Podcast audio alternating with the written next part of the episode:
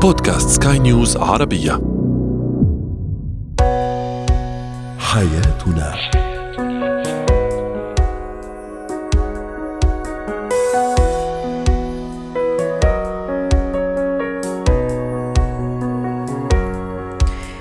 مستمعينا الكرام أهلا بكم معنا إلى حياتنا. فضاؤكم اليومي الذي يعنى بشؤون الأسرة وباقي الشؤون الحياتية الأخرى والذي يمكنكم الاستماع إليه عبر منصة سكاي نيوز عربية dot com slash podcast وباقي منصات سكاي نيوز العربيه الأخرى شاركونا عبر رقم الواتساب 00971 561 88 6223 معي أنا امال شاب اليوم نتحدث عن وسائل التواصل الاجتماعي عندما دخلت بيوتنا. هل باعدت بيننا كأزواج أم قار أو قربت بيننا أكثر ولماذا؟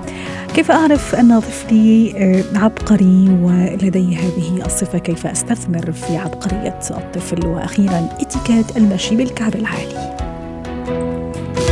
هو وهي.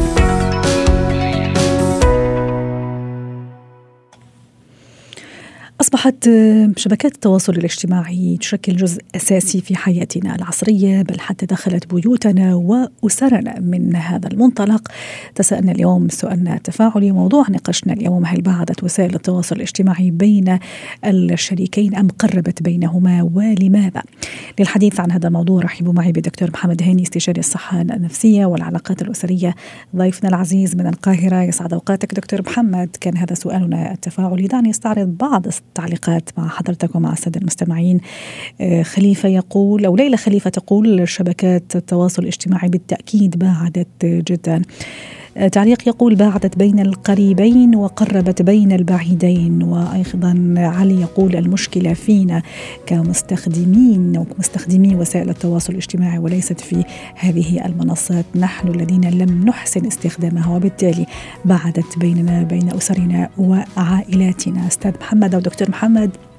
أكيد لكل شيء عنده إيجابيات وسلبيات وأكيد التكنولوجيا عندها كثير من المحاسن ومن الإيجابيات لكن هناك من يقول فعلا لما دخلت وسائل التواصل الاجتماعي بيوتنا خربت كثير من العلاقات الأسرية بل أدت إلى الطلاق وإلى تدمير هذه العلاقة بين الزوج والزوجة ما رأيك؟ أنا رأيي طبعا أن وسائل التواصل الاجتماعي هي السبب الرئيسي في ارتفاع نسبة الطلاق في الفترة الأخيرة. لأن طبعا ال social media هو طبعا الطبيعي إن ما بين الزوجين بيحصل حالة من الملل والفتور العاطفي ما بين الزوجين في الحياة الزوجية بعد فترة من الزواج. تمام؟ ولكن وجود هذه الوسيلة في النص ما بين الزوجين هي بتخلي المسافات اللي ما بين الزوجين تبعد أكتر. يعني حتى كمان لما نيجي نقول نقرب في انشغال من الزوج أو الزوجة بالسوشيال ميديا فده بيخلي في مسافات بعيدة.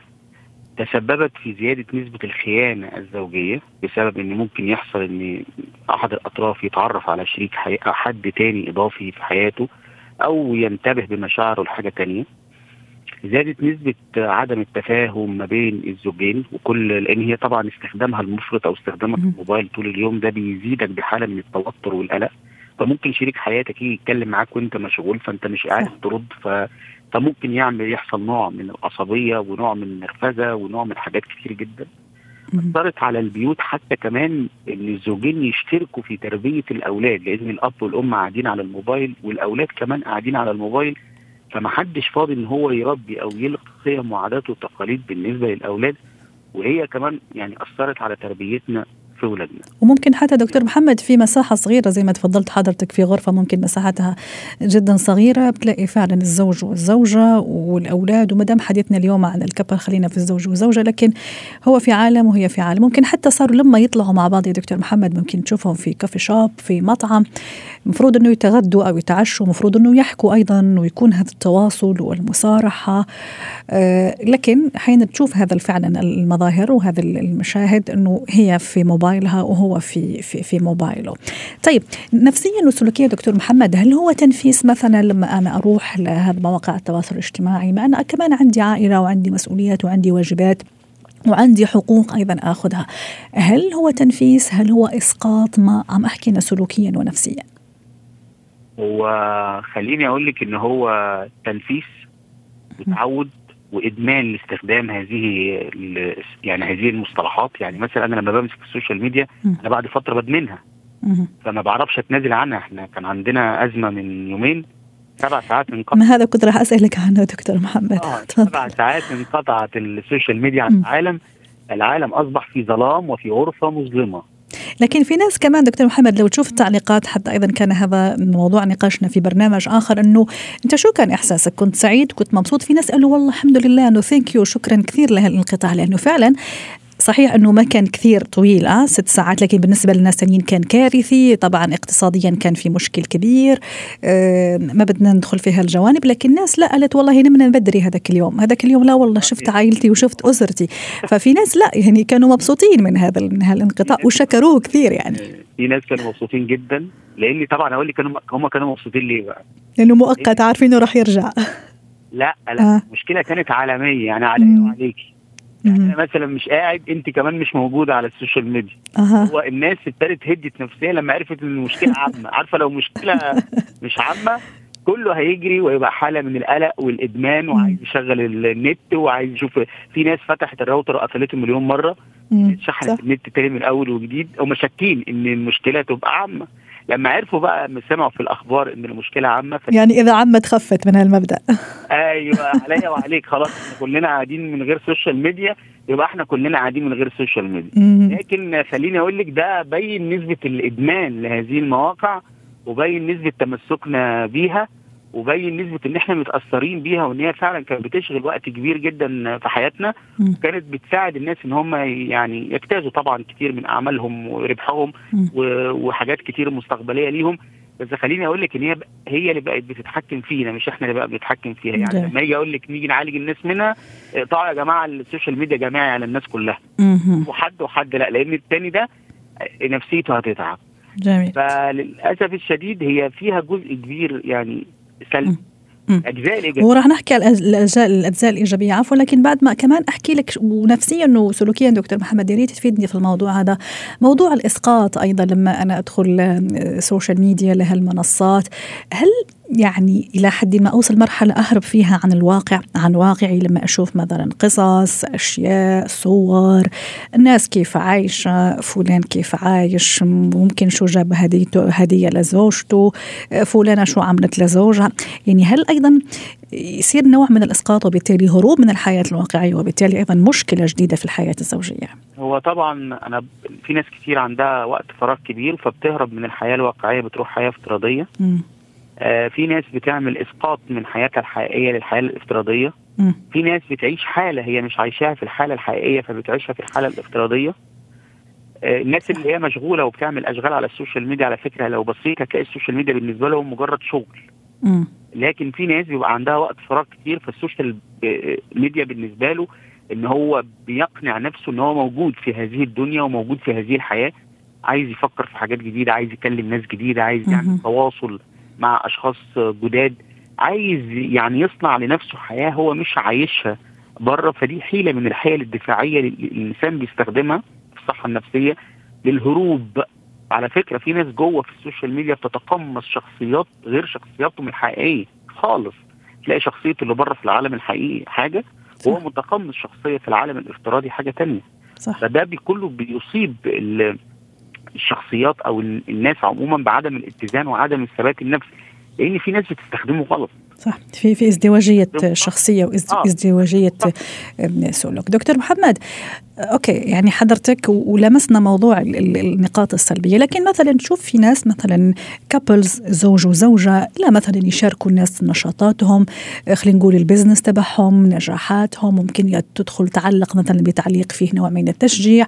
هو نفس الشيء. في النهاية عنده إيجابيات. إذا نحن كزوج وزوجة أحسننا استخدامه وما كان شغلنا الشاغل 24 ساعة. إذا قننا الموضوع وحطينا هدف لهذا الوسيله التكنولوجيه إذا بدك. هو في كلامك صح أنا بتفق معاك في كلامك إن هو وسيلة إيجابية م. بس لو زاد عن معدل الخصوصية للبيت والحياة الزوجية بيدمرها. طب كيف أنظمها دكتور محمد؟ لا يعني أنا أنا ما ما اقعدش أعرض مثلا حياتي الشخصية وحياتي الزوجية على الفيس وعلى الملأ و وأقعد أقول أصل أنا ببين للناس إن أنا بحب زوجتي أو زوجتي بتحبني. لا ده غلط طبعا.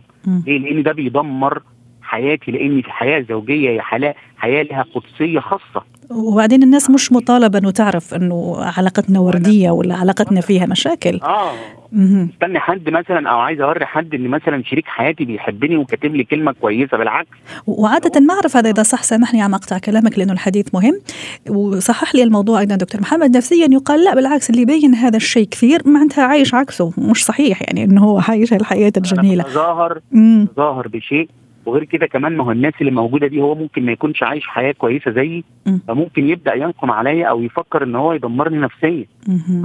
بدليل إن لكل اللي بيعرضوا كل حاجة عن حياتهم الزوجية على ال social media الناس دي على فكرة أغلبهم منفصل أغلبهم ما بقاش موجود موجودين مع بعض. بسبب التراكمات والخيبات اللي حصلت بسبب عرض الحياة الزوجية على المشاع وعلى الملأ أمام الناس. آه ماشي أنا بعرض عن عن أجزاء ماشي مفيش مشكلة أجزاء صغيرة ولكن ما ادخلش بنسبه 20% كمان من حياتي وأنا مش منتظر أثبت للناس إن أنا بحب شريك حياتي وشريك حياتي بيحبني بالعكس الناس لو عرفت ده على ال social media لأن أنا قلت لك هي ثقافات وعادات وتقاليد على ال social media. واحيانا كنا نشوف العكس دكتور محمد لا الناس ممكن سامحني على المصطلح تنشر غسيل البيت بمعنى مشاكلها كمان على ال social media كمان هذه كارثة وهذه مشكلة كبيرة. يعني إحنا نروح للنقيض من حياة وردية وجميلة مع زوجي لحياة فيها كثير مشاكل ظلمني ظلمتني فعل لي فعلت لي. فهذه كمان كارثة ومشكلة أتصور.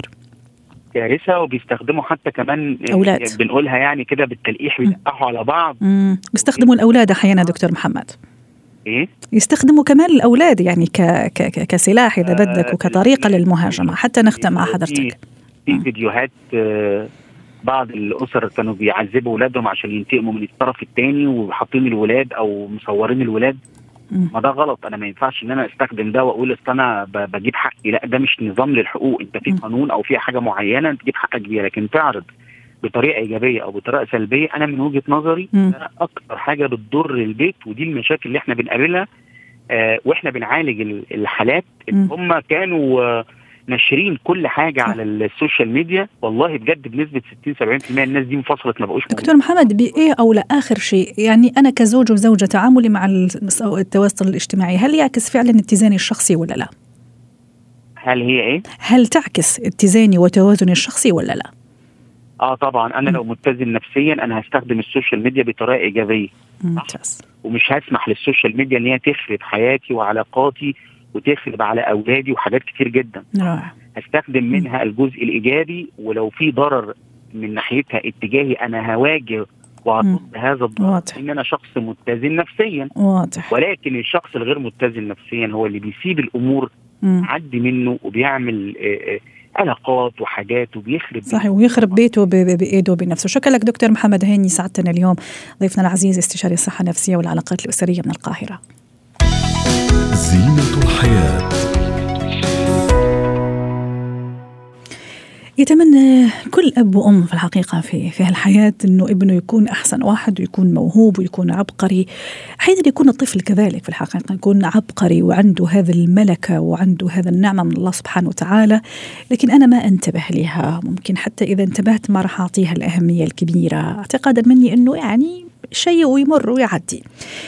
شو أنا عم ضيع لما أكون مش منتبهة لهذا الموضوع؟ دعونا نتعرف مع الأستاذة همسة يونس الخبيرة النفسية والتربوية على جوانب هذا الموضوع كيف أعرف أنه ابني عبقري وكيف أستفيد من هذا النقاط؟ يسعد أوقاتك أستاذة همسة أوقاتك. يا أهلا وسهلا بك. كيف أعرف أنه طفلي يعني أنه فعلا عبقري ونابغة حتى؟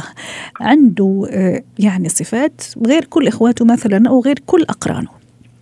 حقيقة يعني بعض الدراسات تقول أنه العباقرة لا يتجاوزون 2% من البشر وأن هناك طبعا الأذكياء لكن العباقرة نسبتهم أقل بكثير. والبعض ربط العبقرية بالذكاء والبعض نفاها أن تكون مرتبطة فقط بالذكاء. بينما الأغلبية قالت أنه العبقرية غير مرتبطة فقط بالعلم والمعلومات. يعني ليست فقط كمية معلومات أنت تعرفها إنما هي أكثر يعني العبقرية نستطيع أن نلمسها أكثر في الإبداع والابتكار. الموهوب لديه موهبة يستطيع أن يبدع فيها. آه ربما هو تعلمها وأتقنها ممارس أتقنها. نعم. لكن العبقرية تأتي من خلال ابتكار الجديد.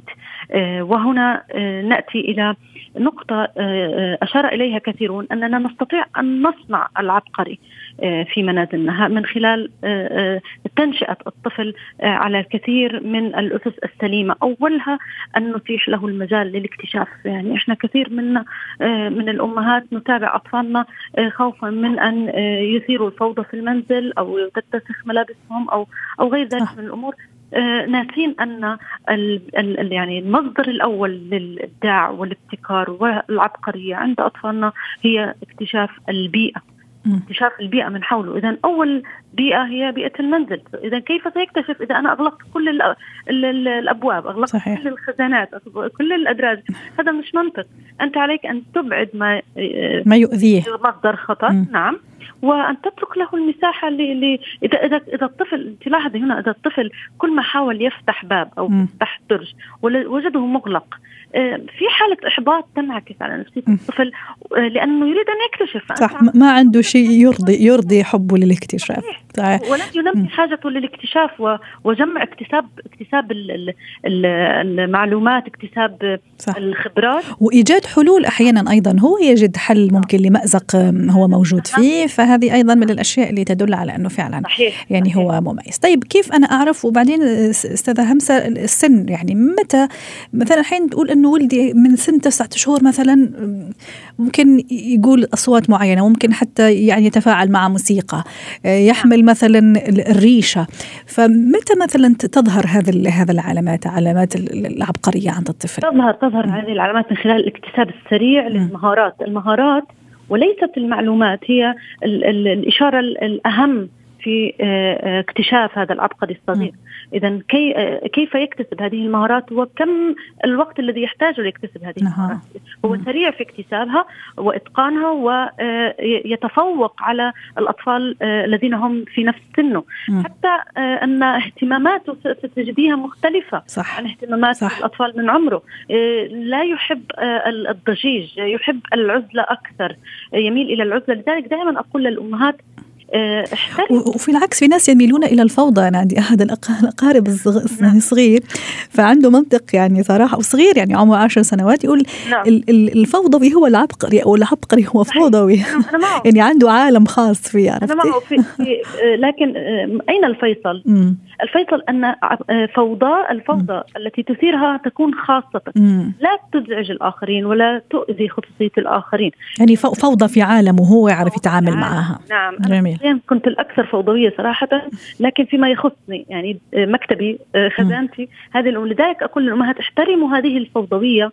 التي فعلا قد تكون مصدر للإبداع وربما أكثر من الإبداع العبقرية. آه، أيضا جزئية اهتمامه بهوايات مختلفة. صح. ربما تلاقي طفلك هو بيحب يبحث عن المجموعه الشمسيه ويقرأ عنها أكثر ويسأل عنها كثيرا. الطفل أيضا العبقري يسأل كثيرا يتحدث كثيرا. ويخترع أيضا في بعض الأطفال عندهم هذه الميول أيضا يعني نعم. وكأنه يعني عامل مثلا المطبخ كذا مختبر صغير فهو يروح يعني أشياء معادلات فيزيائية كيميائية ويعني يحاول إنه يعمل شيء. خيال واسع. لديه خيال واسع. آه وأحيانا إحنا دون أن نقصد نقتل هذا الخيال. صح. عندما نسخر من آه خيالاتهم نسخر من آه حتى من باب المزاح. والله مية مية. كنت حقول لك الحين تقولي اجى العبقري الصغير اجى المدري مين أيوة. اجى أبو العريف مثلا ها؟ يعني كلمات ممكن أقولها زي ما تفضلتي ممكن آه، فني ممكن حابة أضحك ممكن لكن فعلا محبطة. في جزئية عم نختم أستاذة همسة في, في دقيقة لو سمحتي. نعم أشار إليها بعض علماء النفس م. أن ربما كلمة عبقري أن إذا استمرينا في الإشارة بها للطفل آه، وأشبعناه بها ربما تؤدي إلى نوع من الغرور آه، ويصبح يعني عنده عدم قدرة على التفاعل الاجتماعي مع الآخرين لأنه يشعر بالأفضلية. فربما يجب أن ننتبه إلى طريقة استخدامنا لهذه الكلمة بحيث أن لا نشعره بأنه أفضل من الآخرين، أنت مميز لكن أيضا الآخرين كل واحد منهم له ما يميزه. وأيضا مدى اهتمامنا لأنه مثلا في في بعض الدول تعطي كثير أولوية واهتمام بينها دولة الإمارات آه، في مراكز في مؤسسات فعلا نعم. خاصة بهذا النوع من الأطفال اللي هم عباقرة في النهاية ويعول عليهم كثير. إلى درجة مهم أيضا إني خليه ينتسب لهذا النوع من المؤسسات حتى ينمي ويكون مع أشخاص في نفس الليفل تبعه وعم نختم دولة الإمارات قدمت الكثير من الخدمات التي تدعم الموهوبين وتصنع منهم عباقرة وهنا يأتي دور الأسرة لتبحث عن هذا العبقري الصغير لتفتح له الأبواب. رائع. شكرا لك أستاذة هنسة يونس الخبيرة النفسية والتربوية ضيفتنا العزيزة من أبو ظبي. وهذه دعوة أيضا اليوم لكل أولياء الأمور. انتبهوا وركزوا مع أولادكم. فعلا يمكن يكون يعني شخص عبقري وخارق للعادة وعنده قدرات لما لا ننميها ونستثمر فيها. شكرا لك. اتكات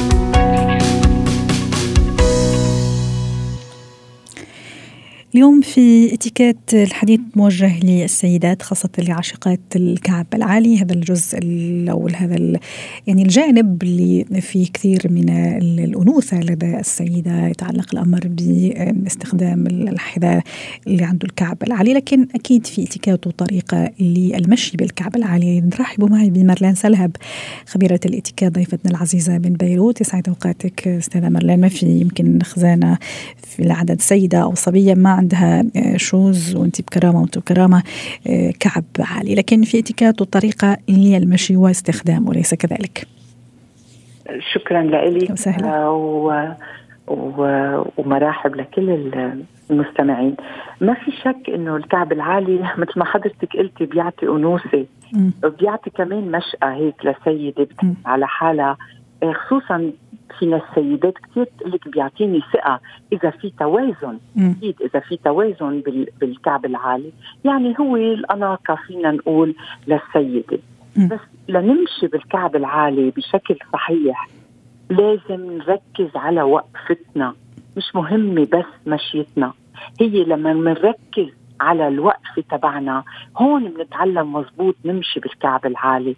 لما السيدة بتعرف توقف يعني بتعرف تثبت إجريها بالأرض.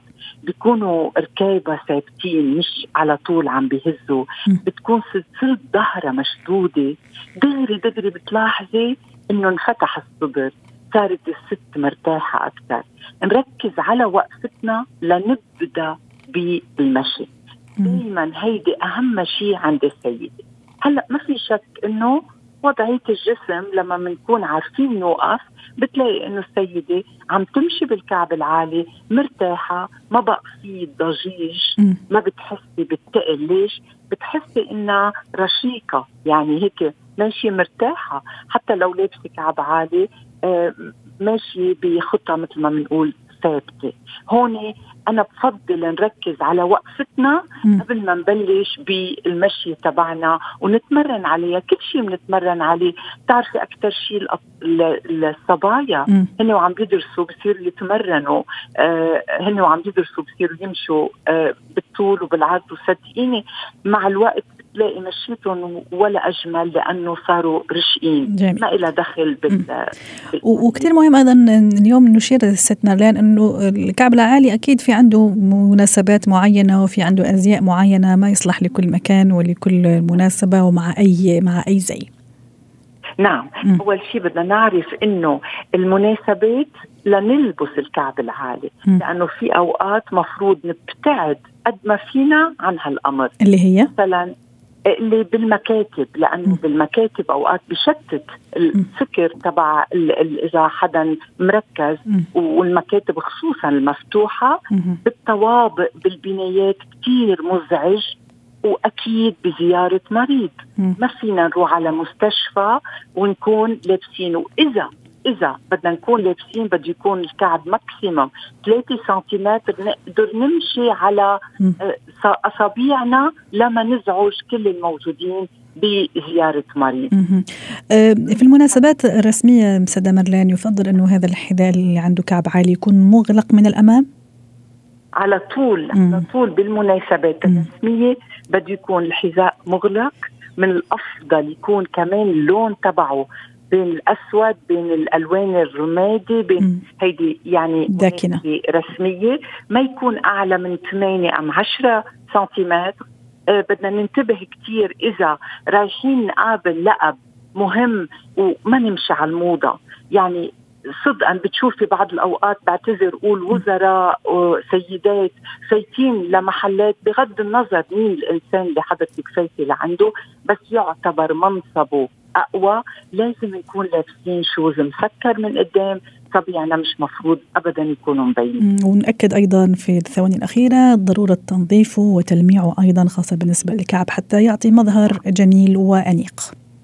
نعم من أكيد. وهيدا دائما بيقولوا لك إنه آه بينجرف الكعب لأنه بسوق بالسيارة. لا ما عليه. الأفضل يكون عندنا آه يعني حذاء بديل بالسيارة. وهيك ما بنعود نجلف الكعب ويكون مرتب ونظيف حتى أصلا ممنوع سياقه سياره بالكعب العالي. طبعا آه، حتى نحفظ سلامتنا. شكرا لك سيدة مارلين سلهب خبيرة الاتيكيت ضيفتنا العزيزة من بيروت. ويومك سعيد. حياتنا. ختام حلقة اليوم من حياتنا. شكرا لكم. إلى اللقاء.